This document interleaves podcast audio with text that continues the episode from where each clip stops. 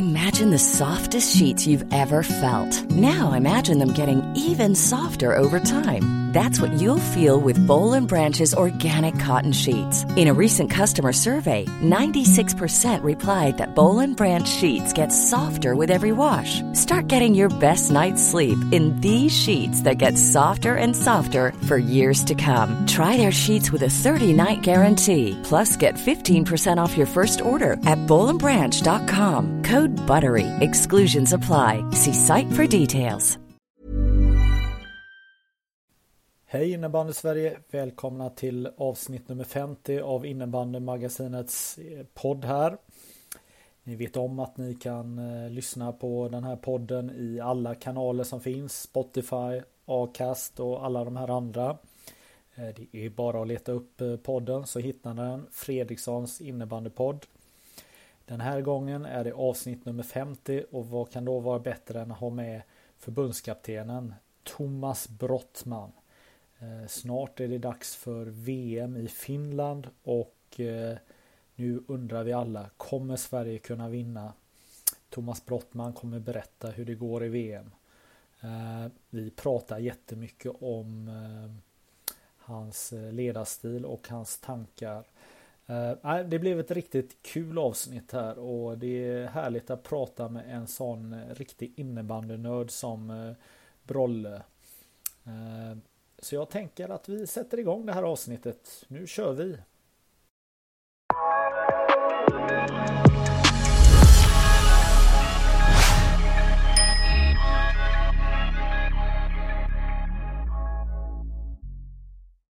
Ja, Thomas Brottman, då hälsar jag dig välkommen till mitt femtionde avsnitt av den här podden.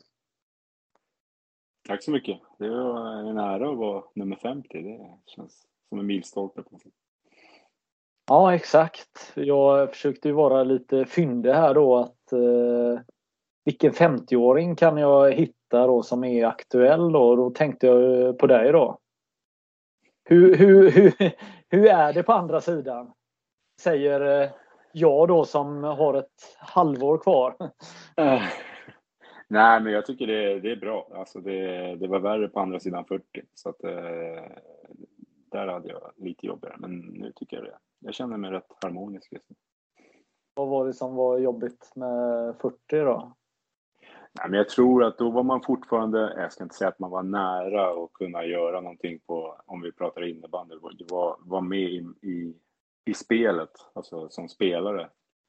Eh, man, man hade fortfarande liksom inte tappat den, den tron eller någonting att man skulle kunna kliva in den, den har försvunnit så den, den, nu, nu är det mer lugn och ro på den fronten. Ja. Hur är det att vara i fiendeland nu då? Jag menar förbundet var ju motståndaren förr, eller kanske inte motståndaren men eh, ja, du fattar vad jag menar. Ja, ja men absolut. Nej men jag tycker det, det är bra. Alltså det, nu, nu låter det väl som jag liksom eh, plussar för mycket. Men de, jag tycker det är en bra, det är bra vindar i förbundet just nu. De försöker och de jobbar hårt för att, för att ta det här framåt. Och det finns mycket bra folk som har kommit in och, och verkligen försöker liksom få till det här med innebandyn på ett bra sätt. Jag tycker det, det känns bra. Det är jävligt intressant att se hur det, hur det funkar inifrån. Och att det är, det är kanske lite mer jobb bakom saker och ting än vad man, vad man tror när man sitter utanför. Så. Kan du utveckla det? Nej, men det är, det är många, många, jag ska inte kalla det för instanser, men det är ju saker och ting, alltså det är mycket folk som är inblandade i allting och det, det är liksom, eh, det tar ju sin tid att gå igenom allt, allting med, med all, allting, allihopa liksom. Och det, för att det ska bli rätt och eh, jag tycker om, nej men jag tycker det, det känns bra, det, det ser bra ut det, det jag har sett och lyssnat på. Så det, det kommer bli bra det här. Ja. Jag tänker ditt CV är ju ganska långt innan du hamnar där du hamnar. Eh, spelar i 150 år och sen eh, tränar under eh, nästan lika lång tid, jag på att säga. Och sen då få det här uppdraget. Är det rätt väg att gå, tänker du? Nej, det vet jag inte. Jag tycker väl att eh, en förbundskapten ska väl eh, ska väl inte komma in på ålder utan han ska väl komma in på, på vad han kan och vad, vad, vad som liksom kan, kan utvecklas med den, den personen. Så att jag hoppas att det inte är på grund av att jag har blivit över 50 år som jag blir förbundskapten. Jag hoppas ju på att det, det är att jag har gjort saker bra hittills. Liksom. Så att det, det, det, är mina meriter på något sätt som gör att jag är här. Mm. Uh, man har väl kanske inte eh, sett det här hända eller eh, alltså eh, man tänkte väl inte att eh, Thomas Brottman, ja men det är nu har vi den kommande förbundskaptenen. Eller hur, hur, hur har resan varit för dig hit du har hamnat, tänker du? Eh, nej, men jag, jag kan väl vara transparent med Jag trodde ju inte att jag skulle bli förbundskapten i, i det här livet så att säga, utan det hade, det hade väl blivit ett annat liv i sånt fall. Eh, jag, var, jag var aldrig inne i de där rullarna på, på det sättet som, som tidigare förbundskaptener har varit. Eh, Hur menar du? Jag hade, nej, men de, eh, dels har jag, har väl kanske inte varit den mest sociala människan i, i innebandysvängen liksom, utan jag, jag har hållit mig på min kant på något sätt eh, och varit grinig och, och stöddig därifrån. Liksom. Så att, eh, eh och andra förbundskaptener innan mig har ju liksom kanske en bättre social förmåga än jag och varit inne i förbundsjobbet på ett helt annat sätt innan de får förbundskaptenen. Så att, eh, jag vill liksom, någonstans hade jag accepterat att eh, jag kommer inte bli förbundskapten. Och, så det var, det, var, det var en lika stor chock för mig när de frågade som, som för dig om jag förstår dig rätt. Ja, för du, du var väl aldrig ordförande i elevrådet eh, på högstadiet eller? Nej, nej det var jag inte. Eh, långt ifrån. Ja. Vad, um, hur är det nu då att, eh, att vara på den positionen där eh, många fler har åsikter om eh, vad du gör kontra innan när man är klubbtränare?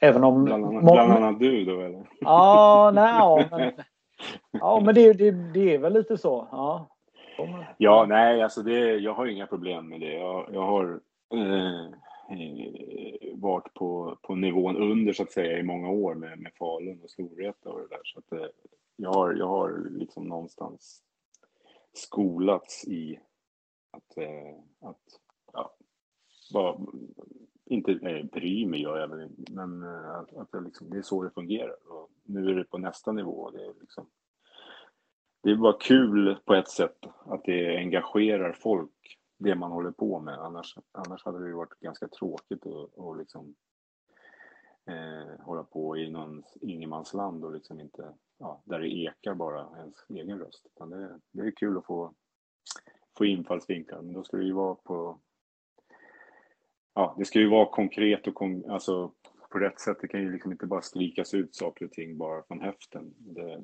där har jag väl rätt, blivit rätt bra på att sålla bort sånt. Liksom. Ja, men du gillar att trycka iväg lite saker på sociala medier ibland eller? Ja, men nu har jag ju varit ganska lugn tycker jag. Ja. Nej, men det, det, är väl bra. Alltså det, är, det är ett sätt att få ut någon sorts uh, åsikt eller någon sorts eller fråga eller liksom sånt. Uh, det är ett bra medium på det sättet. Sen, sen ska man väl kanske inte lägga ut hela sitt liv och alla sina tankar på de där ställena utan det, det ska ju vara något något underbyggt i det, tycker jag. Mm. Det visar väl också ett, eh, ett engagemang, att man brinner för någonting när man eh, också kan dela med sig av tankar.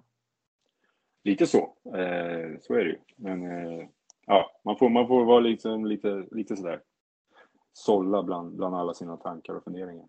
Så, mm. så blir det bra till slut tänker i den positionen som du är så det är väldigt stort för en enskild person att bli uttagen och få ta på sig den gula tröjan. Hur tänker man eh, kring det?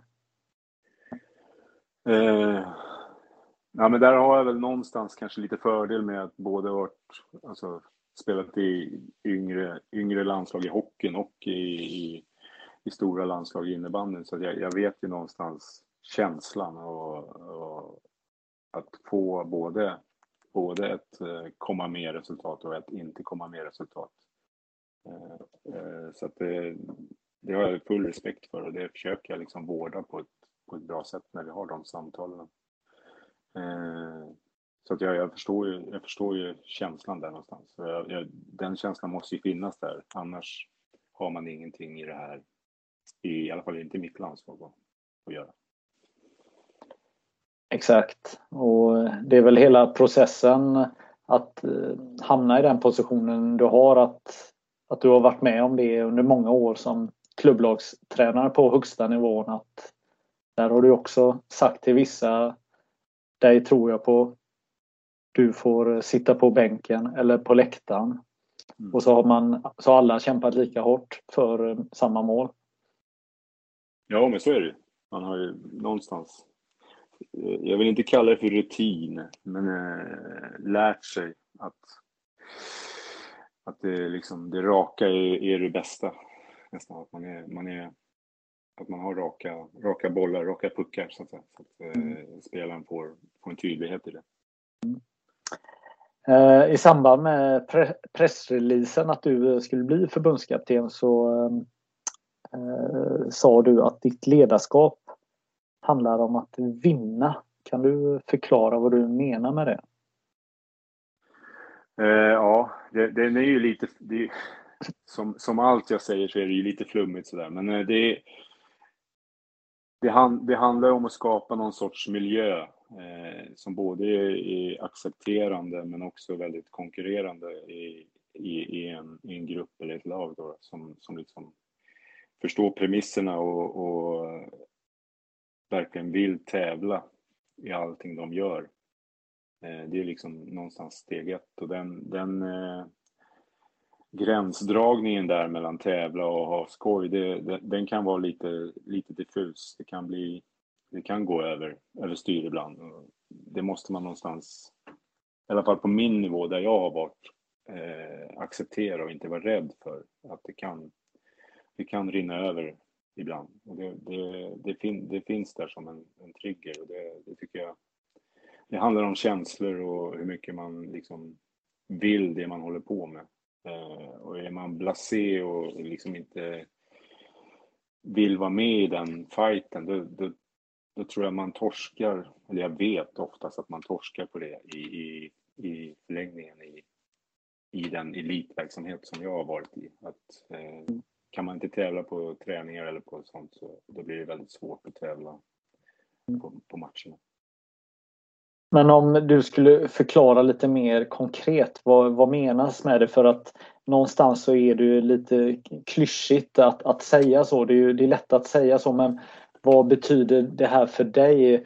Alltså allt från att åka på en turnering till ett seriespel till ja, i det här fallet då SM-slutspel. Alltså egentligen vilken nivå man än befinner sig på. Man kan ju vara ungdomsspelare i, i ett lag som siktar på att vinna junior-SM eller eh, vinna en turnering. Alltså vad, vad är det vad handlar ditt ledarskap? Alltså, jag förstår att tävla väldigt mycket, men vad, vad menas med det? Nej men alltså i grunden så är det väl att du ska hela tiden försöka slå personliga rekord i det du håller på med som, som, som spelare. Att du liksom hela tiden vill, vill framåt med det du håller på med. Och det, det, det, det, alltså klyschor finns ju någonstans av en orsak. Att det, att det, att det, det finns någon, någon liten sanning i det. Eh, och har du inte det där drivet att du liksom, nästa byte ska bli bättre än det jag gjorde innan eller nästa passning ska bli bättre än den jag gjorde innan och allt det där. Då blir det väldigt svårt att utvecklas för att du måste ju flytta dina gränser hela tiden eh, för att bli bättre på något sätt. Och då, den, den miljön måste man ju skapa som tränare att, att eh, det finns den triggern i allting man håller på med och det, det kravet på alla, alla som är, är i det laget jag, jag tränar. Att vi kan liksom inte, vi kan inte liksom slösa bort en träning bara för att man är, är lite mjuk i kroppen eller lite mjuk i huvudet. Utan det, det är samma sak med en match. Den måste ju liksom också genomföras. Även om man har lite, lite mjuka känslor i sig så måste man ju liksom kunna leverera ändå. Det, det börjar ju på träningen. Jag tycker träningen är det viktigaste av allt och får man in så mycket av det där i träningen och kan liksom tävla mot, sina egen, alltså mot sin egen nivå eh, och sina ribber eh, så, så kommer man långt. Mm. Men vad är det man ska göra på träning då? Är det, är det två mål eller är det tävling på alla avslut? Eh, man tävlar mot målvakterna. Alltså vad, vad är det man... Vad är, Nej, men jag, tycker, jag tycker du kan tävla i allting. Alltså, mm. Det går att tävla i precis allting. Det är bara upp till dig själv. Liksom. Eller till tränaren. Sen är jag, till skillnad mot Niklas, väldigt eh, dålig på övningar och sånt där. Utan jag, jag ser ju hellre ett spel spelmoment i det, i det mesta vi håller på med. Liksom. Eh, och där, där har jag väl en utvecklingsmöjlighet eh, när jag går med Niklas. Han, han är mycket bättre än mig på, på att hitta övningar. Ja. Eh, men, men, men kontentan är i alla fall att jag vill ha tävling, jag vill ha lura fram tävling så mycket som möjligt bland spelarna jag tränar. Men vad är det ultimata då att, att, att träna på? Är det att nöta en en övning när man springer eh, efter ett givet mönster eller är det spela på mindre ytor? Fyra mot fyra, tre mot tre, två mot två, sex mot sex eller nej men vad, vad, vad är vad får man ut mest att, att eh, skapa det här vinnarlaget och eh, vinnarna? Ja, men det beror på vilken fas du är i, i, om vi pratar i säsongen eller om vi pratar liksom i eh, matchveckan. Är det, är det saker och ting du har scoutat mot motståndarna så måste du givetvis kanske splitta upp det spelet du, du vill spela med, med lite mer övningsbetonade saker. Liksom. Eh, I, i, på måndagen om vi spelar på söndagen eller lördagen. Liksom. Sen, mm. sen kan man liksom implementera det mer och mer i spelet. Men, men rent generellt, om man bara ska träna tävling så tycker jag alltså spel 2 mot 2, 3 mot 3, 4 mot 4 är ut, mest utvecklande för en, en, en, enskild spelare eftersom det är så mycket mer bolltouch och så mycket mer eh, eh, ja, hjärnan är mer påslagen i, i, i de momenten. Du måste hela tiden vara vaken och, och liksom, du kan liksom inte stå och vila i en kö på en, på en övning. Nej. Du måste ju vara på hela tiden. Liksom. Och det tycker jag är mer, det ger mer för spelarna. Det tror jag ger mer för ungdomsspelare också, att de får spela så mycket som möjligt. Alltså det här med, som det kanske var på din och min tid med gårds eh, och gårdsfotboll och allt det där. Det finns ju inte längre och då måste vi liksom få in det någonstans i våran verksamhet och då tycker jag det. Jag tror att vi, vi, vi äldre, vi, vi fostrades väldigt, väldigt bra i den där miljön. Eh, Medan eh, nästa generation har kanske varit lite mer står i kö och väntar på att göra, göra en löpning och få en passning och skjuta. Vilket jag inte tror är bra i längden. Nej, så den här eh, coachpermen ska man eh, bara vara varsam med eller? Ja, men det finns säkert bra. Jag, jag, som sagt, jag har inte läst de där övningarna så att eh, jag, jag har inte koll på vad de innehåller. Men jag tror att visst, det ska finnas en grund i, i ett, under, ett underarbete i. Där är ju övningar jättebra liksom och sånt. Eh, men, eh, men att få så mycket, så lite väntetid och så mycket tävling som möjligt så är de här spelmomenten är överlägsna. Det går liksom inte att komma ifrån. Jag tycker. Mm. Jag tänker eh, som klubblagstränare när man befinner sig i den här perioden. Eh, vi går in i, eh, andra delen av, eller vi är inne i andra delen av oktober.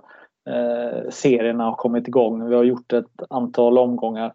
Hur är det att eh, driva träningar och ett lag den här perioden, alltså nu när det börjar bli mörkt ute eh, och, och man har passerat de här tre, fyra första omgångarna eh, där allt bara är kul och spännande och, och, och, och, och det är långt kvar tills eh, tabellen ska räknas samman.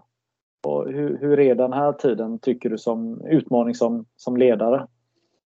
Nej, men jag tycker det är fortfarande lite tidigt. Jag tycker det fortfarande som tränare var, var en kul period här. Sen, sen tycker jag eh, framåt december där var, var jobbigare. Det, då, då, då är man inne i en serielunk. Här är man fortfarande, nu, nu har kanske serien börjat satsa sig lite mer, alltså lagen har utkristalliserats mer vad, vad som gäller liksom i spel. Playbooks och sånt där på alla, på alla lag. Så nu man, börjar man få lite mer koll på motståndarna. Så det, det, är nu, det är nu det roliga börjar, kan jag tycka. I mm. början är det ju lite kalvar på grönbete sådär som liksom springer omkring och känner på varandra och latchar. Nu, nu börjar det, nu tycker jag serien går in i den fasen där det börjar bli på riktigt mer. Mm. Ja. Eh, sen då när eh, du har fått den här eh, rollen och man ska beskriva vem Thomas Brottman är då. Eh, då är han ju också en sån här ledare som är duktig på unga spelare och får dem att blomma då. Då vill man höra vad, vad är det du gör som är så fantastiskt? Ja, det är jättesvårt. Alltså jag vet inte. Jag, jag, jag, jag har aldrig... Jag, vilket du kanske har fått erfara redan nu. Jag har väldigt svårt med att ha koll på åldrar och hur gammal en spelare är och, och allt det där. Så att eh, jag har egentligen bara tittat på spelare som jag tycker, ja men han är redo för att spela.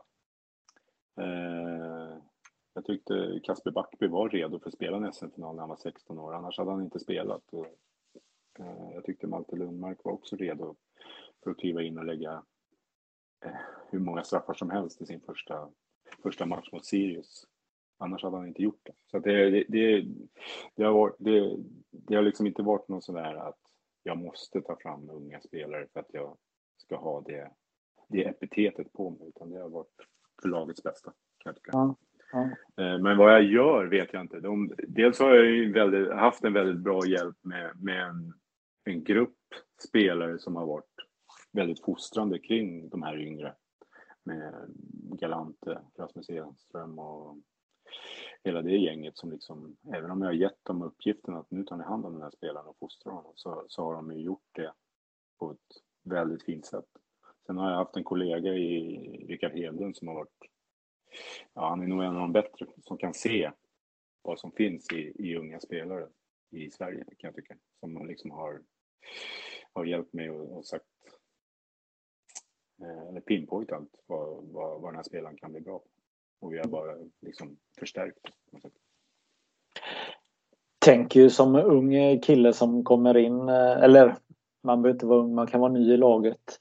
Eh, så gäller det att visa vad man går för när man får chansen. Alltså hur får du dem att, att våga misslyckas och våga göra det som du har sett att de är bra på? Uh det är väl lite, alltså nu, nu är jag ju hundmänniska, men det är väl lite därifrån, alltså, att uppfostra en hund, även om inte jag är någon eh, dog whisper på det sättet. Men, men eh, det handlar väl bara om att förstärka det som, är, som man gör bra. Liksom. Eh, och förbise det som är mindre bra. För det, det tror jag alla, även om man är ung och kommer upp här, så, så är man ganska medveten om vad man gör bra och dåligt. Liksom. Och det dåliga vet de absolut om att de har gjort någon träning. Sen blir det för många gånger, då får man väl ta ett snack och liksom skita i det där och göra det här istället. Mm. Det här är du mycket bättre på.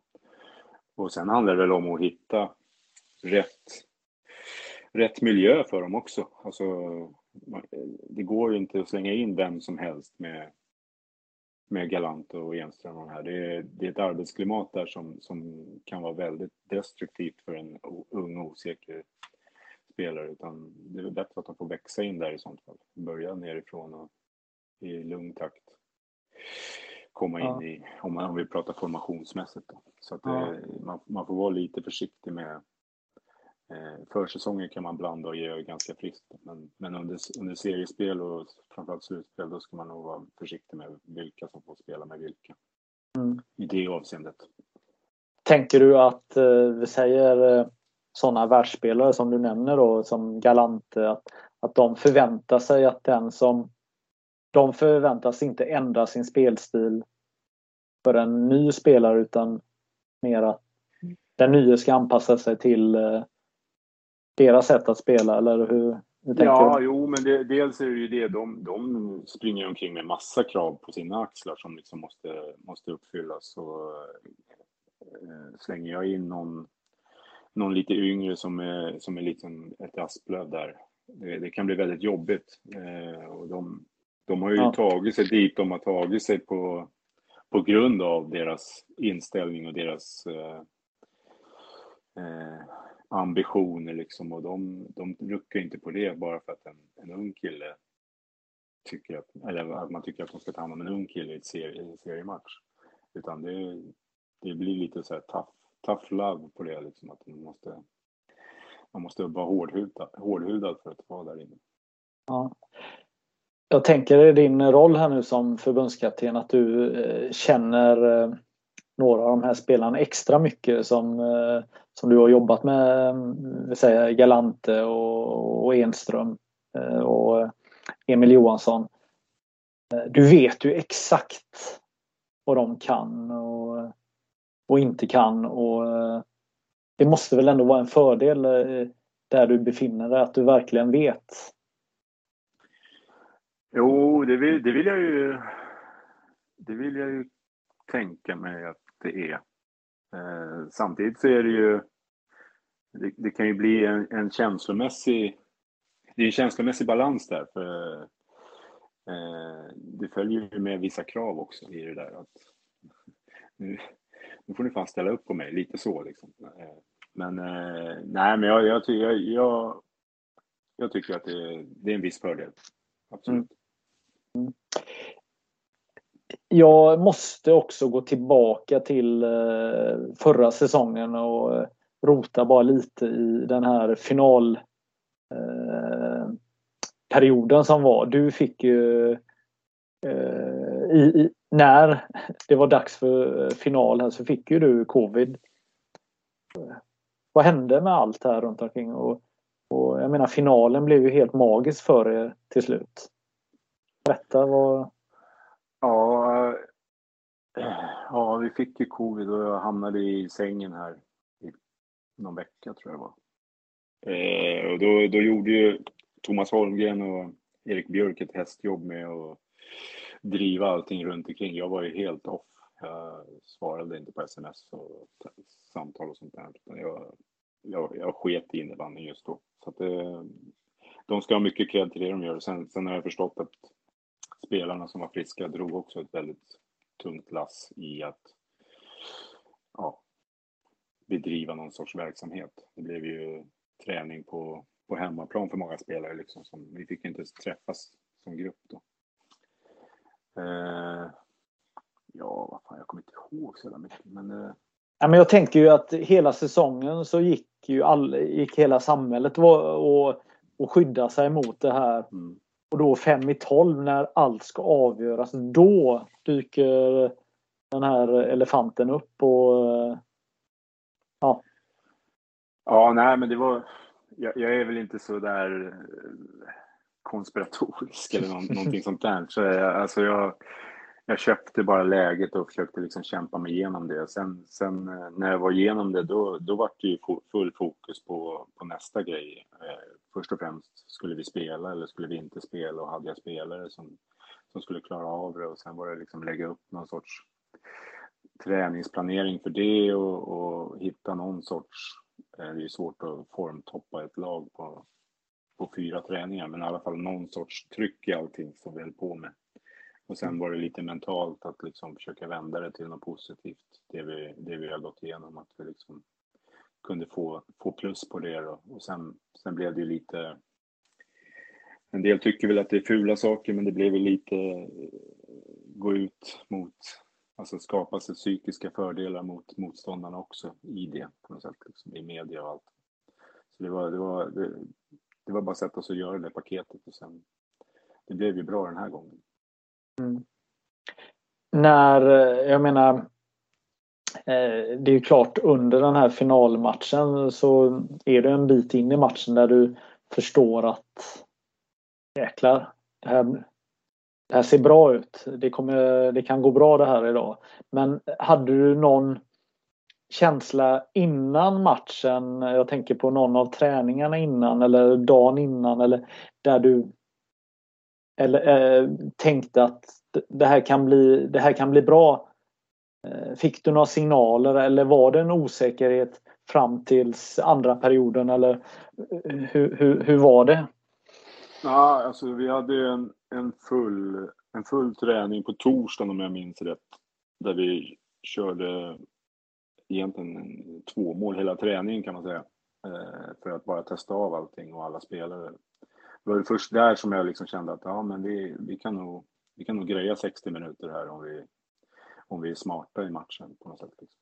Eh, sen var det ju osäkerhet, men, men jag, jag, kände ganska tidigt i matchen att det här, det, här kan bli, det här kan bli riktigt bra. Sen var ju, alltså osäkerheten finns ju där eftersom vi inte visste med lungkapacitet och sånt på alla spelare om de skulle palla 60 minuter.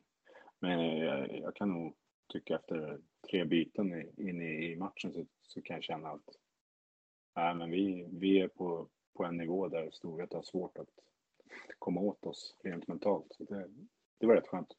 Mm.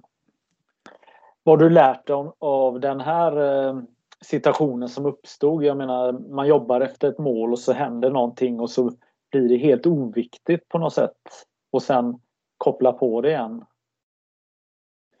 Ja, vi fick ju en liten uppvärmning säsongen innan när vi fick guldet helt plötsligt. Eh, och fick eh, jobba med, med att stå till svars för det.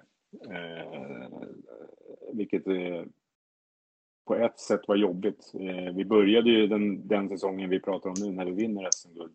Mm då började vi med den här giganternas kamp som gick helt åt skogen för oss, vilket jag misstänkte eh, skulle göra.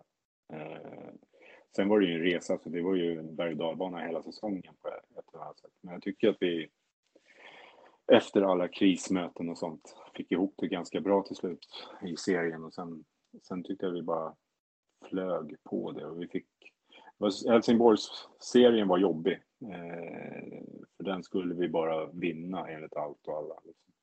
Eh, Kalmarsund, den, den var mer avslappnad för där, där hade ju Kalmarsund byggt upp sig själva på ett sätt som vi kunde utnyttja. Eh, både jag som, som ledare för, för Falun, gentemot Falun och sen utnyttjade jag gentemot Kalmarsund rent psykologiskt också. Så att eh, den, den var lite lättare tycker jag än, än eh, Helsingborg. Ja, he, ja, Helsingborg eh, gjorde det bra, eller hur? Ja, absolut. Eh, nej, men det var de eh, lite medstuds där eller lite motstuds för oss så, så hade det kunnat gått sämre för oss. Men sen, sen när det verkligen ska liksom när det, när det ska stängas och gälla, då, då tycker jag att vi steppar upp som, som grupp och som spelare. Liksom. Men fram tills dess var det ja. en, en, en, anekdot är att jag, eh, jag tror det är match fyra nere i Helsingborg eller något, något sånt där. Vi torskar i alla fall och jag ber, det ska man inte säga egentligen, men jag ber hela laget dra åt helvete utom Kasper Back och Johan Samuelsson som fick okej okay i den matchen. Sen gick jag ut från... och det, det blev en sån här, en grej i, när vi hade vunnit SM-guld, då var vi här i Falun och hade lite fest och då gjorde de en, en charad på, på det. Att jag bad hela laget dra åt helvete. Det var, det var roligt. Men det var... Ja. Ja, men det är bra. Eh, man ska bjuda på sånt också. Eh, vad, vad tänker jag? Nu tappar jag tråden här. Vad sjutton var det jag skulle ta det här vidare? Jo, eh, nu kommer jag på det. Jag pratade med Alexander Galante Karlström om just det här och att ni vann året innan. Och min känsla är, jag som är neutral, är ju att det var till er fördel att ni faktiskt vann i år. Med tanke på det guld som ni tilldelades året innan. Att, att, eh, att eh, ni på något sätt dödade en del av snacket efteråt eh, kring det. Hur, hur tänker du?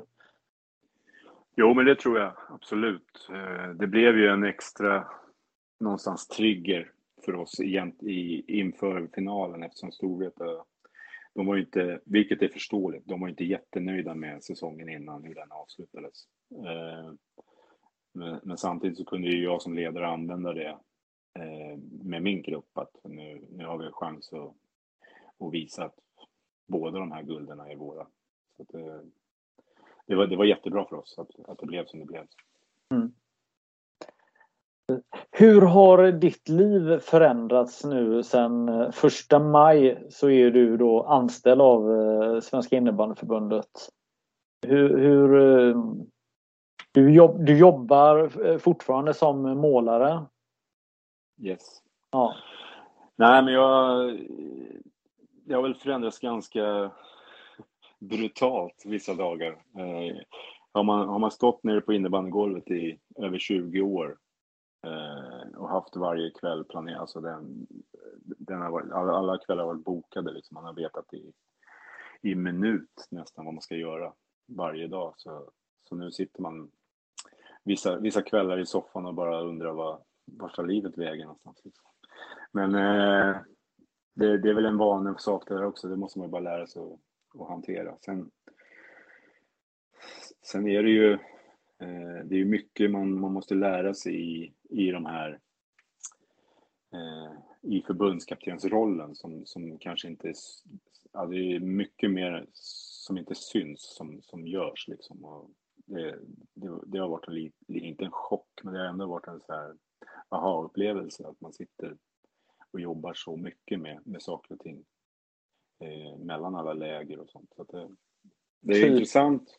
Typ Nej, men vad... det, är, det är allt ifrån planering, eh, nu har vi haft massa covid-grejer också, men det, och sen är det personalmöten med förbundet, det är eh, enhetsmöten och det är sånt där som jag aldrig har varit i närheten av i hela mitt liv. Liksom. Och dels att man ska lära sig Teams på ett bra sätt. Nu måste jag ju lära mig Powerpoint och massa saker som liksom, jag är ju så analog som det, ah. som det går att bli nästan. Så det, men det tar sig, det blir bättre ah. och bättre. Nu, nu ska jag väl bara gå en, gå en eh, videoanalyskurs med, med Niklas här också så att jag lär mig de programmen också.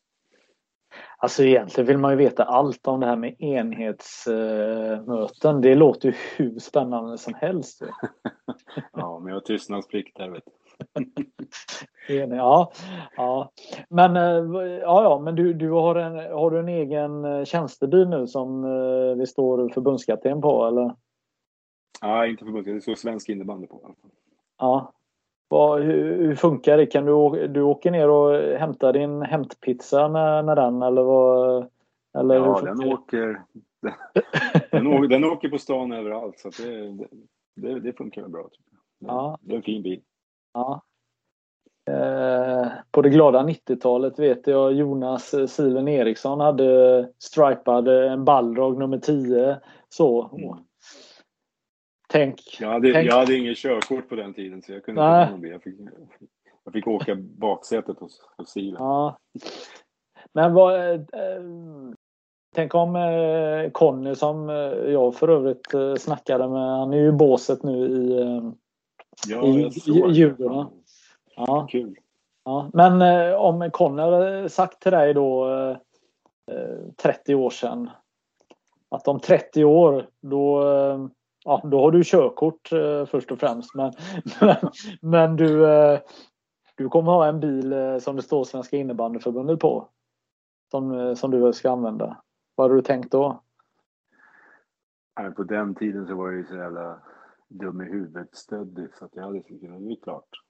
Det är självklart, hade jag väl säkert sagt. Ja, vad menar du med dum i huvudet stöddig? Ja men du vet. Balrog, du, du har ju upplevt det där. Vi var, ju, vi var lite stöddigare än vad vi, vad vi egentligen var utåt sett.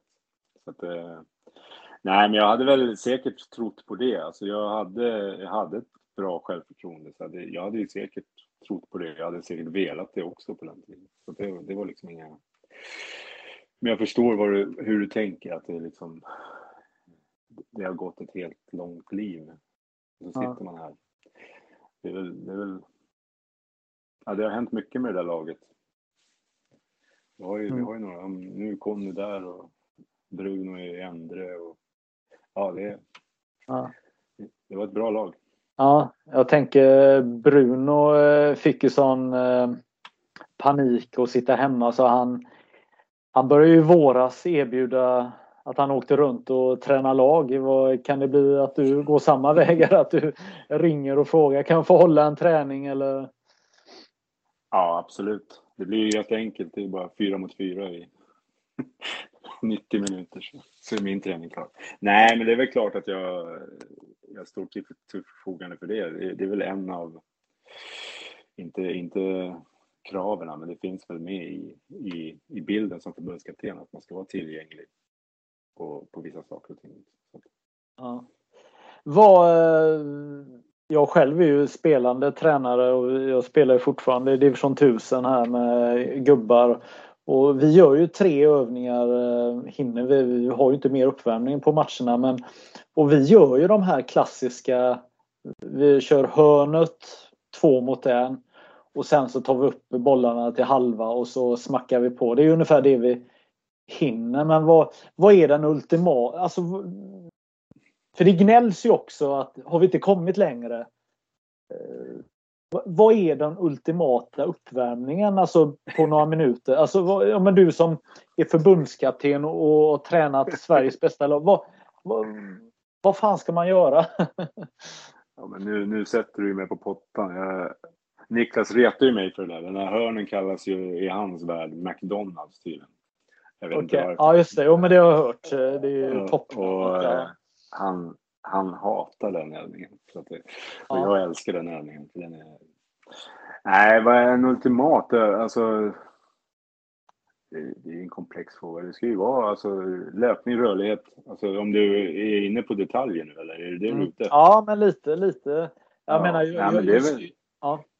det är väl löpning och rörlighet på ett bra sätt så att hela kroppen och alla, alla muskler och sånt engageras och, och eh, fattar vad, vad, vad som är på gång. Liksom. Sen, sen får man börja lite lugnt med där tycker jag McDonalds då är perfekt eh, och börja lugnt. Sen, sen ska det ju ökas på liksom. Sen, sen får det ju gärna vara, jag har aldrig haft det i, i mina lag, men det får ju vara, det skulle ju gärna vara något, något kampmoment i det så att man liksom Eh, om det är tre mot tre eh, spel i, i hyfsat, hyfsat lugnt ändå, men inte, men inte för lugnt. kan ju vara en bra idé liksom, så att, de, ja. så att man liksom väcker alla leder och huvuden och sånt. Jag tänker, eh, vad är det man som spelare vill få ut under den här tiden? Okej, okay, har man obegränsad med uppvärmning så, så, så hinner man nog gå igenom allt men någonstans är som spelare så vill man ju få någon form av känsla. Mm. Alltså det, det, är ganska gött om man trycker upp några där man vill att den ska sitta i nätet. Det är en god känsla. Ja. Ja. Å andra sidan kan det ju vara, man vet om att, att det finns matcher där jag inte sätter ett skott så går det kanon. Så, att, så det är ju också mentalt att man kan ju vända allt till sin fördel som spelare ja. tänker jag. Men ofta så har ju de, eh, de flesta spelarna går ut en, en stund innan själva uppvärmningen börjar och står och skjuter och känner. Där, där, där får ju de ha ett egenansvar i att hitta känslan där och sen, sen går man in i uppvärmningen och då är, då är det ju primära. Eh, visst, primär, det, det, det är väl ganska viktigt att hitta känslan med boll och klubba och allt det där ja. och plan och, och hall och sånt där. Men där är det ju att förbereda, förbereda kroppen på att ja. Eh, det, det, är ett krig som startas. Men när, när ser du att spelarna inne i zonen kontra inte? För eh, ibland kan det vara så, så eh, ja men om alla skott sitter i krysset så, så är det någon som tycker att jäklar vad, eh, vad bra laget ser ut. vad, vad är det du ser att ett lag, är det blicken du ser i killarna eller vad, vad är det du ser att att det här kommer gå bra. De, de är med mig idag. Ja. Nej, men det... Nu okay, jag blir ett, ett dåligt intervjuoffer för dig, för jag är ju aldrig ute på uppvärmningarna, så jag ser ju inte dem. Det, du, det du, dricker jag... kaffe, du dricker kaffe eller vad? Ja, i Falun så hade jag en liten nap time där. När de, så Jaha. Föll, och så satte mig och eh, sov en stund. Somnade ju inte, men alltså i alla fall lyssnade lite musik och tog det lugnt under ja. den tiden. Eh, men jag kan ju nog känna ganska tid. Alltså det blir oftast lite ja, beroende på vad det är för match då, men i omklädningsrummet kan man få upp en känsla när man, när man kommer in där. In, jag är ju oftast inne i omklädningsrummet innan match också, eller innan uppvärmning. Så där kan man få en viss känsla. Men oftast är det de fem, fem första minuterna in i en match. Det är där man får, får det riktiga svaret, för mig i alla fall. Ja. Är, är, vi här eller är vi inte här? Och då, då gäller det att börja ja. jobba om vi inte är här.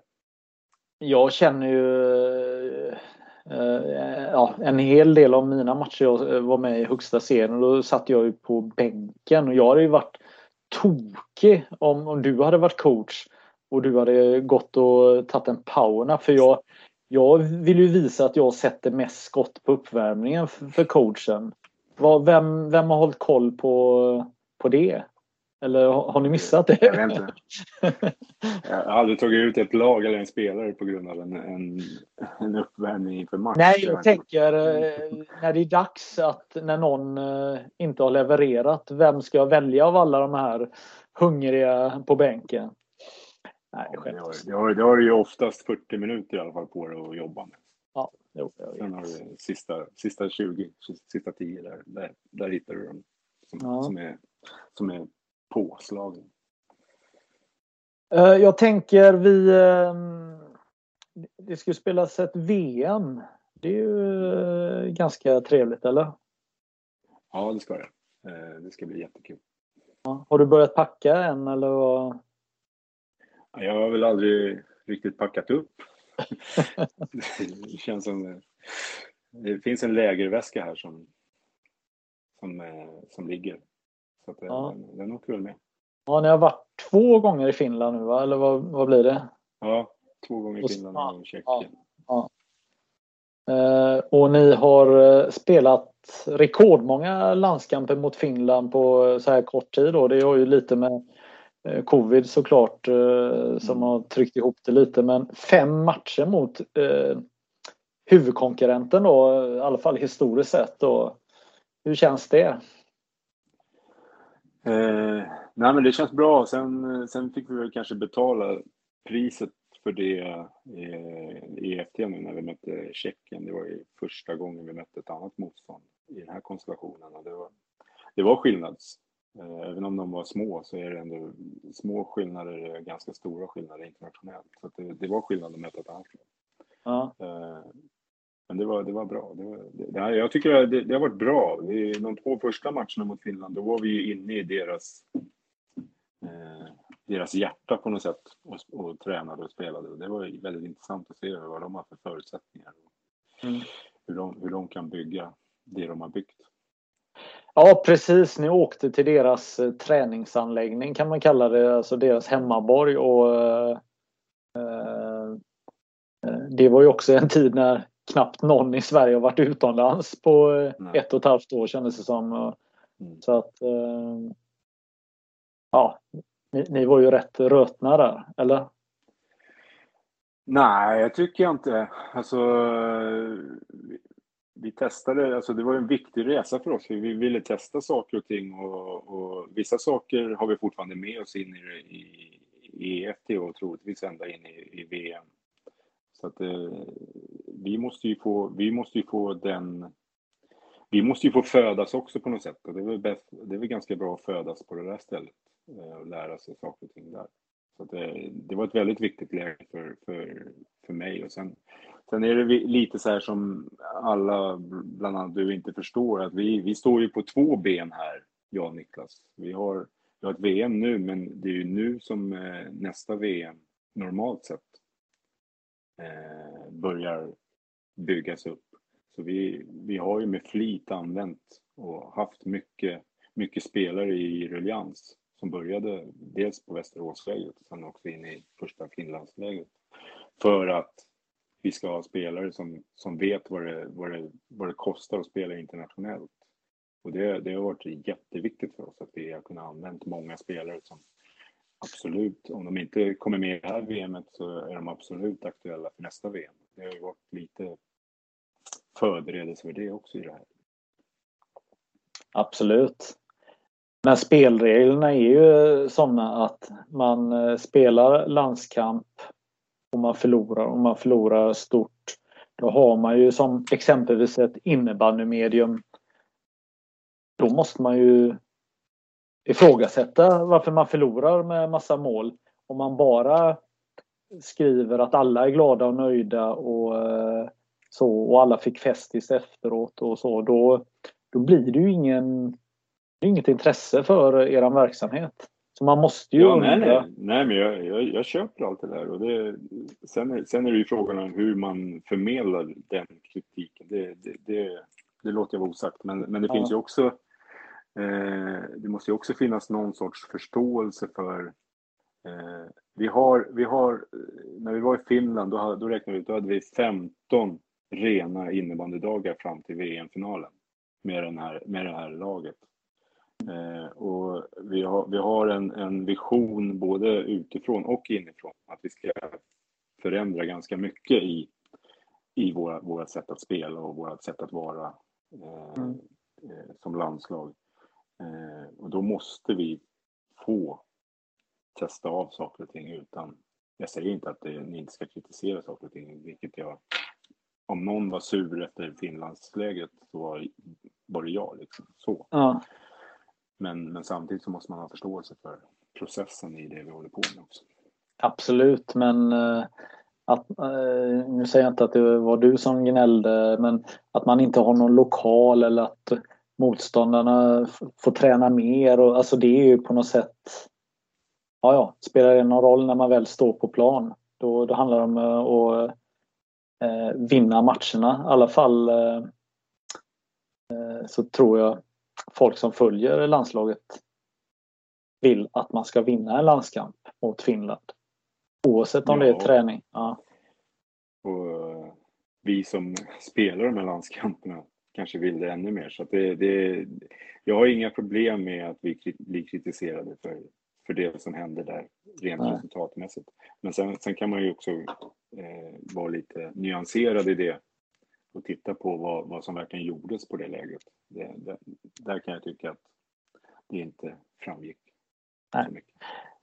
Så är det Ibland är ju inte allt rättvist när man analyserar eh, Eh, så. Jag har ju givetvis förståelse att eh, Finland eh, när de är, bjuder in er till sin hemmaborg, de, det finns inget annat än att de ska slå er och, och de befinner sig på någon annanstans i sin process, längre fram i sin process med Petri och Mika och alla de som är runt landslaget. Där. Hur ser du förresten på det att Mika Konen är med i finska landslagsledningen?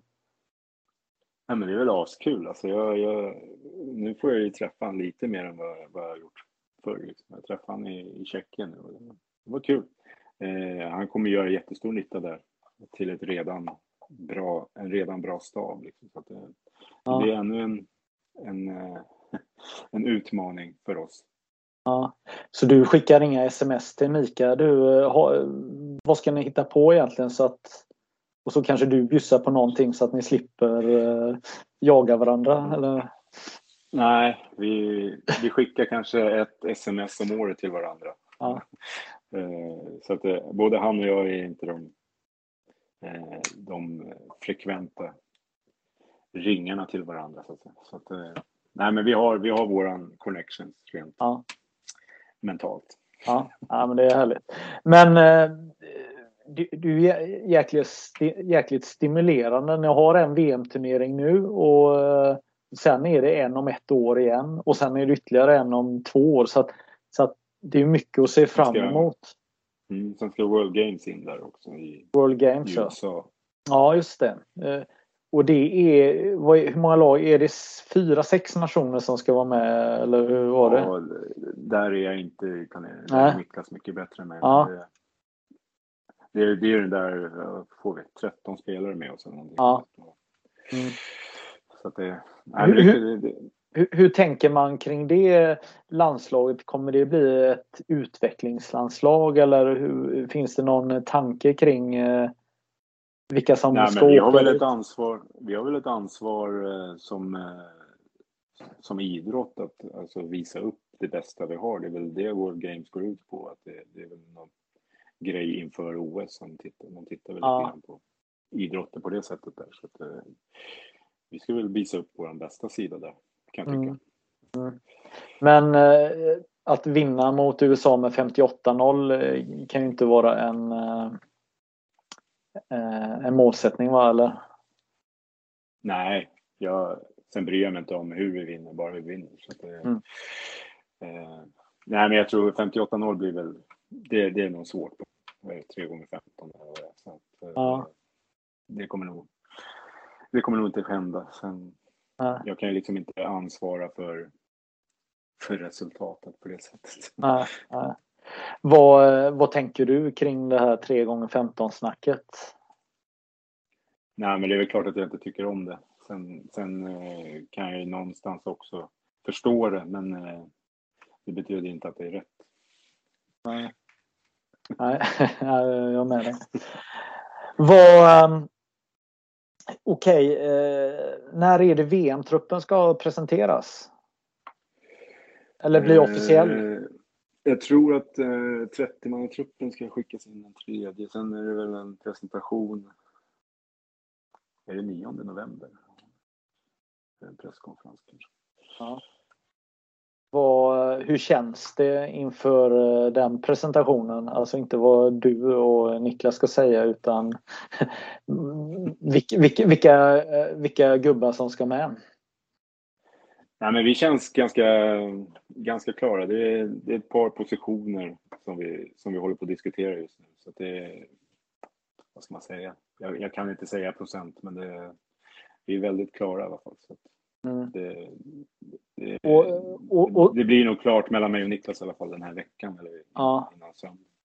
Vilka spe, spelregler gäller? Jag tänker målvakter, är det någonting som är bestämt hur många som får vara? Eh, är det två eller är det tre som... Eh, Det vi har jobbat med är ju 2 plus 18 då.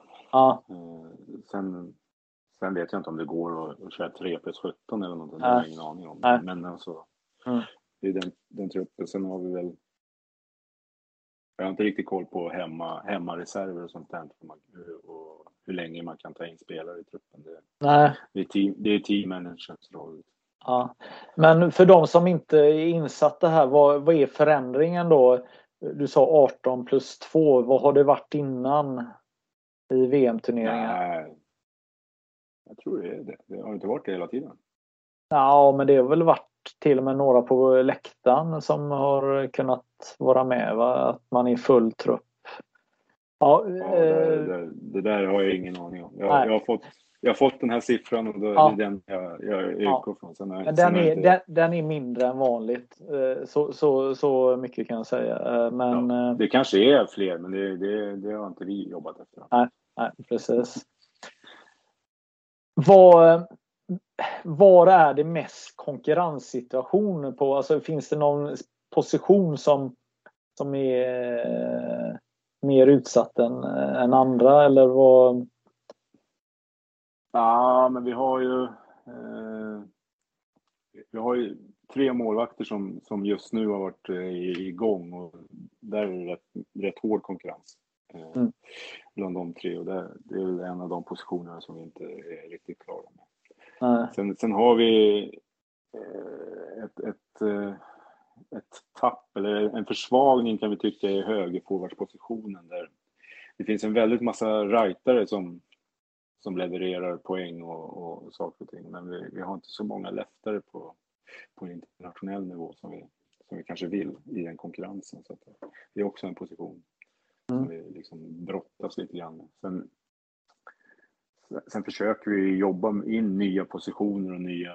Och där, där kanske det kan bli att en, en formation kan ju vara innehålla två centrar och en, en back. Liksom. Eh, vilket är, är kul för centrarna kanske. Mm. Ha, har ni de här eh, nyckelspelarna som ni behöver eh, för att Mm. eh, lyckas? Det tycker jag. Eh, nej, men vi har både, både rutinerade spelare som, som vet vad det, vad, det, vad det innebär och sen, sen har vi några eh, outsiders som, som bryter lite mönster och sånt där som vi, som vi tycker är intressant. Mm.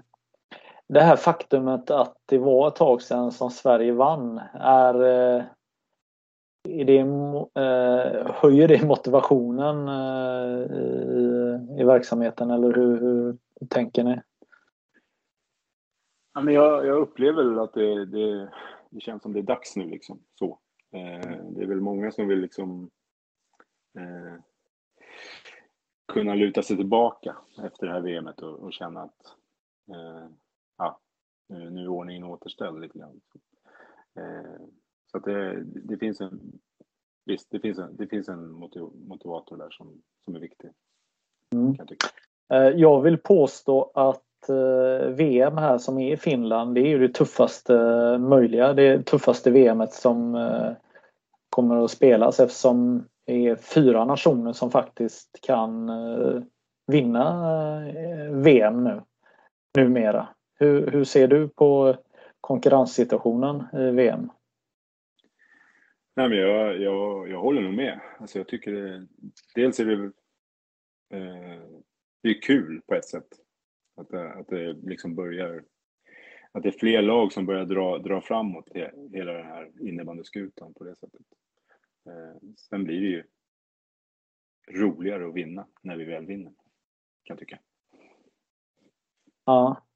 Uh, om vi går in på motståndarna här lite då. Uh, vi börjar med Tjeckien då. De, uh, de har vunnit mot Sverige en gång 2004 och nu häromveckan mot er. Vad, vad står de? Hur bra är de? Vad är det de är bra på?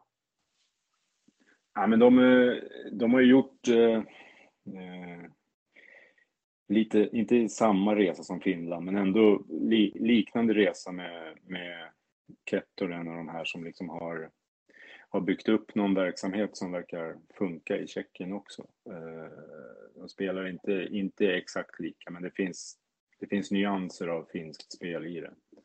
Eh, sen, sen har de ju, eh, jag vet inte rent tekniskt eller detalj hur, men de har ju byggt om kanske hela sin verksamhet yngre, alltså underifrån liksom med U19-satsningar och allt det där. Som har, gjort, som har liksom bidragit till där de är just nu. Eh, sen tror jag inte att de är helt klara än. Men nej, de, de står sig fint tycker jag. Det det, det, är ett, det är ett stort, starkt lag som har några fixstjärnor som kan, kan liksom ändra matchbilder på ett bra sätt. Mm. Jag tänker att eh, juniorsidan har ju haft fina framgångar i Tjeckien här nu. Och eh, vad, vad, är det, om man bara skulle förklara på fem sekunder, vad, vad är det de gör annorlunda än Finland exempelvis? Eh, rent spelmässigt menar du? Ja. ja. Eh, ja men Finland är ju ett mer Eh, inte, inte rent man-man-spel, men de, de, de, är ju mer åt man-man, alltså jobba en mot en mer än vad, vad tjeckerna gör. De, de kanske är mer, de är lite mittemellan svensk och, och, och finsk modell om, om, du förstår vad jag menar. Det mm. finns, det finns man-man eh, situationer som de jobbar med, men det, det finns också zonsituationer som de är mer likt Sverige med. Så att, eh, de, har, de har en, en mix där kan man väl säga. Mm. Mm tänker Schweiz då. Vad, de har ju bitit ifrån eh, väldigt bra i tidigare VM mot Sverige. Det har ju till och med blivit övertid i matcher och eh, väldigt tajta slutspelsmatcher mot Schweiz. Vad, eh, vad tänker du kring dem?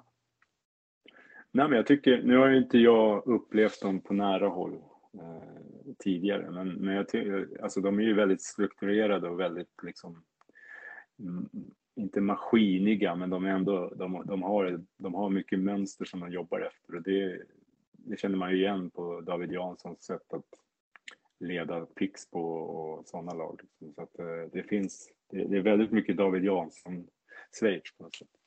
Eh, och alla vi vet ju vad David Jansson går för. Han, han har många, många S i, i ärmen som han leker med. Så att det, man ska absolut ha respekt för dem. Mm. Ja, han eh, berättade för mig, eller sa till mig, som jag, jag gillade mycket det här att det är som ett, eh, när man spelar tennis eller pingis. Det är mycket lättare att, att slå tillbaka bollen hela tiden och, och, och vinna. Eh, han gjorde den jämförelsen mellan Schweiz och Sverige då. Hur ser du på just den detaljen att när ni möter Schweiz så är ni uttalade favoriter och på något sätt ska hålla i taktpinnen? Mm. Nej men det är, alltså, det är en farlig situation på det sättet att man får man inte till det eh, så blir man väldigt sårbar om man är ett anfallande lag. Så det, det gäller ju att man, man får till då att man har många spelare att använda i de här avslutningssituationerna om vi kallar det för det. Så att det liksom inte är bara Galante som ska göra mål eller bara Albin som ska göra mål eller Kim eller någon sån, utan man måste ha en bredd där som gör att det blir svårare för David Jansson att slå tillbaka bollen för hårt. Exakt. Eh, vad ser du mest fram emot eh, hela VM-veckan? Eh, eller det är väl tio dagar är det väl i stort sett i Finland eller? Ja, ja det är något sånt där. Nej men det, dels och det, det, det har faktiskt varit en, en fin upplevelse när man har varit på de här lägren att det, det, det är sköna killar att vara kring. Det är roligt att vara i, i, i landslaget med de här spelarna. Man har, det, det, det är nära till skratt och det, det, det är en skön grupp på det sättet. Sen är det ju hela upplevelsen. Eh, visst, jag har gjort Champions Cup och sånt där som tränare, men jag har inte gjort som du säger, långläger på det sättet. Det, eh, det, ska, bli, det ska bli intressant att se hur man, hur man eh, påverkas av det. Sen är det ju givetvis sista dagen. Jag ser fram emot. Mm. En VM-final då eller? Mm. Något annat finns inte? Nej men det, det tycker jag inte. Det, det är både respektlöst mot mot mig och mot, mot spelarna och mot, mot förbund och, och fans och sånt att, att hålla på och prata om något annat. För det, det, det, det är vårt uttalade mål att vi ska liksom stå där som, som vinnare på ett eller annat sätt. Mm. Eh, och det tycker jag man ska ha som förväntningar på, på, på det här laget. Vi har ju inte hela vägen tagit oss igenom det här corona eh, eh, situationen. Hur, hur påverkar det VM eh, för er del? Ja, vi får väl se nu. Nu kom det väl nyheter här i dagarna att Finland är röd, rödmärkt i Europa nu. Så att, eh, vi sitter väl och, och försöker reka hur det påverkar situationen. så. Eh, vi hoppas väl att, att det vänder, men det, mm. vi får se. Det, det, är inte jättemånga dagar kvar dit. Så. Eh, det är väl klart att eh, när man, när man tänker på VM i Finland så tänker man ju med, på fulla, fulla läktare. Så att det skulle, nu, nu har ju många av oss vant oss vid tomma läktare också så att det, det, det är liksom ingen aspekt som ska spela in. Men VM ska spelas med fulla mm. läktare. Ja. Eh, jag tänker att vi börjar närma oss slutet av den här inspelningen och som ni hör och tittar här så har vi inte ältat eh, din hela innebandykarriär som spelare. Jag menar du var en eh, magisk, smart spelare som eh, verkligen eh, hade koll på, eh, på vad som krävdes och vi har inte dratt alla Balrog-historier och vi har inte dratt Varbergsresan och vi har inte eh, varit inne på hur du hamnade i Falun och sånt där. Jag har ju pratat med dig många gånger innan och vi har gjort eh, stores här men, men jag tänker ju som som eh, det här året då eh, 2021 det betyder ju att alla som är födda 1971 eh, fyller ju det här magiska 50 då. Och du som är född 3 januari. Du är ju van nu. Du har ju varit det hela året här men skulle du kunna eh, berätta vilka är dina favoriter som är jämngamla med dig då? Om, om vi börjar med innebandymässigt. Alltså vilka 71 skulle du vilja hylla eller eh, nämna? Ja, det här, du, vi var inne på det förra, det här med åldrar och grejer. Men, Eh, de, de, jag, de jag kan minnas, jag är så gammal nu så jag börjar ja. minnet. Men, ja. nej, men jag, har, jag har i alla fall tre favoriter som jag, som jag har som 71. Det är eh, nummer ett, och han är obestridlig nummer, han är nog nummer ett för mig i ganska många avseenden som spelare. Det är Christian Hellström. Som, ja, han, är, han, han var magisk på sin tid och han, var, han hade den här USPen med att göra mål i viktiga matcher och viktiga mål. Så att eh, han är min nummer ett på den listan. Sen har vi nummer två, det var hans radarpartner, Conny Svensson. Eh, de spelade oftast i eh, den andra femman i Balrog. Eh, vi hade ingen första och andra, men vi, vi i våran femma såg ju oss själva som först, givetvis.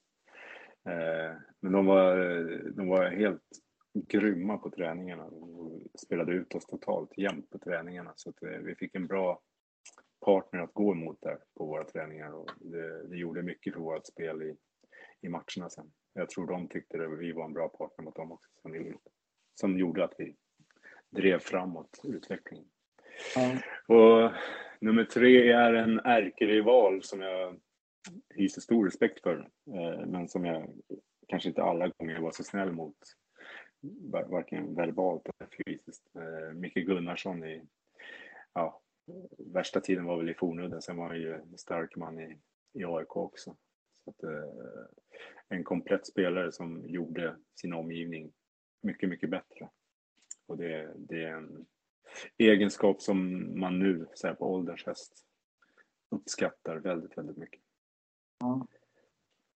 Ja, bra killar du, du nämner. Både Gunnarsson och eh, framförallt Conny Svensson har kanske blivit lite bortglömda här nu. Det ja.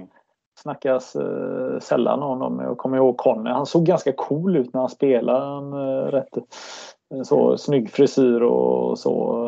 Han, le han levde på sina vader. ja. Det var de han visade på krogen. Ja. Men sen har du några du har ju hållit på med... Du har inte bara spelat innebandy, du har ju en, eh, en, en hockeykarriär också. Du har spelat med några sköna lirare också, och, eller hur? Ja, jag spelade många år, både TV-puck och landslag med, i hockey med Mats Sundin. Eh, som på den tiden var... Ah, han var fruktansvärt rolig. Riktig sån här spelevink i gruppen och laget. Eh, lite som Christian, alltså, gör, gör ju många, ja, jag behöver inte berätta vad han är bra på, det är ju sjukt, det vet ja. alla. Sen var Ove Molin var med i det, det TV-pucken och landslaget också, spelade vi många år ihop. Sen Niklas Andersson, för er göteborgare, är väl känd så, som spelar hockey där. Sen har jag ju mött de här, Pavel Bure och Jaromir Jagr, de är inte 71 men de har gjort lite mål på mig. Det är en ja. ja. Var det där du fick din eh, blick för spelet som eh, hockeymålvakt eller? Nej, jag var faktiskt innebandyspelare. Eh, på den tiden var det inte uppstyrt som vi har nu med sarger och grejer, utan det var ju på gården. Men där var jag faktiskt rätt dominerande. Jag var rätt duktig på den, den gården i alla fall. Så, att, ja. så jag, jag, alternera, eller jag körde innebandy och hockey vid sidan av varandra. Så att farsan fick, sen när Balrog startade så fick ju farsan köra runt med överallt. Det var hockeyträning fem till halv sju och sen var det innebandyträning sju till nio eller någonting sånt där. Varje dag fick han skjutsa mig från Huddinge till Botkyrka eller från Södertälje till Botkyrka. Låter ju helt underbart. Måste ja, vara kul, kul som helst. Jag, jag, jag, vet att jag uppfattas som en lat jävel på den tiden, men jag tränade dubbelt så mycket än alla andra eftersom jag körde dubbla pass varje dag. Där har ja, era jävlar. Ja.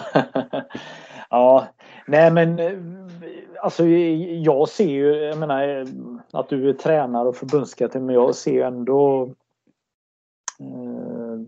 Thomas Brottman som innebandyspelaren. Eh, så. N när spelade du din senaste eh, Spelar du någon innebandy överhuvudtaget eller? eller? Jag gjorde misstaget för två säsonger sedan och skulle vara lite så cool och vara med på träningarna i Falun. Några ja. gånger när vi körde lite så här eh, tre mot tre och fyra mot fyra. Jag stängde ju ner Galante ganska, ganska enkelt. Men, Ja. men, eh, kroppen stängde ner totalt efter de träningarna. Så det, var, det var sängliggande Ja. efter varje träning. Men eh, nej, som match sett så är det väl, då är det ju sista här i Falun. Mitt, Ja. ja. det är väl 2007 och sånt. Ja. Jag hade ju förmånen att hälsa på hemma hos dig. Du, eh, du vårdar ju din eh, gräsklipparkompis ganska bra. Och, eh, vad var han hette nu? Han heter Janne. Janne, ja. Har du tagit in han nu för säsongen eller? Vad? Nej, han kör, han kör fortfarande faktiskt. Han gör det, han, hade, han hade lite snö på sig igår. Det kom snö här igår. Så, han, Ja, det så till helgen, för helgen ska han få gå till Ide. Ja. Men du trivs bra i Falun? Ja, det är ju en, det är en, eh, det är en test nu när jag inte har någon lag att träna. Så, vad man gör på kvällarna. Så. Får vi se hur Falun är som stad. Det, det har jag inte upplevt på det sättet. Thomas, det har varit fantastiskt kul att snacka med dig. Tack så mycket för att du ville vara med i det här avsnittet. Tack själv. Det har varit kul. Ever catch yourself eating the same flavorless dinner three days in a row? Dreaming of something better? Well, HelloFresh is your guilt-free dream come true, baby. It's me, Kiki Palmer. Let's wake up those taste buds with hot, juicy pecan-crusted chicken or garlic butter shrimp scampi. Mm. Hello Fresh. Stop dreaming of all the delicious possibilities and dig in at HelloFresh.com. Let's get this dinner party started.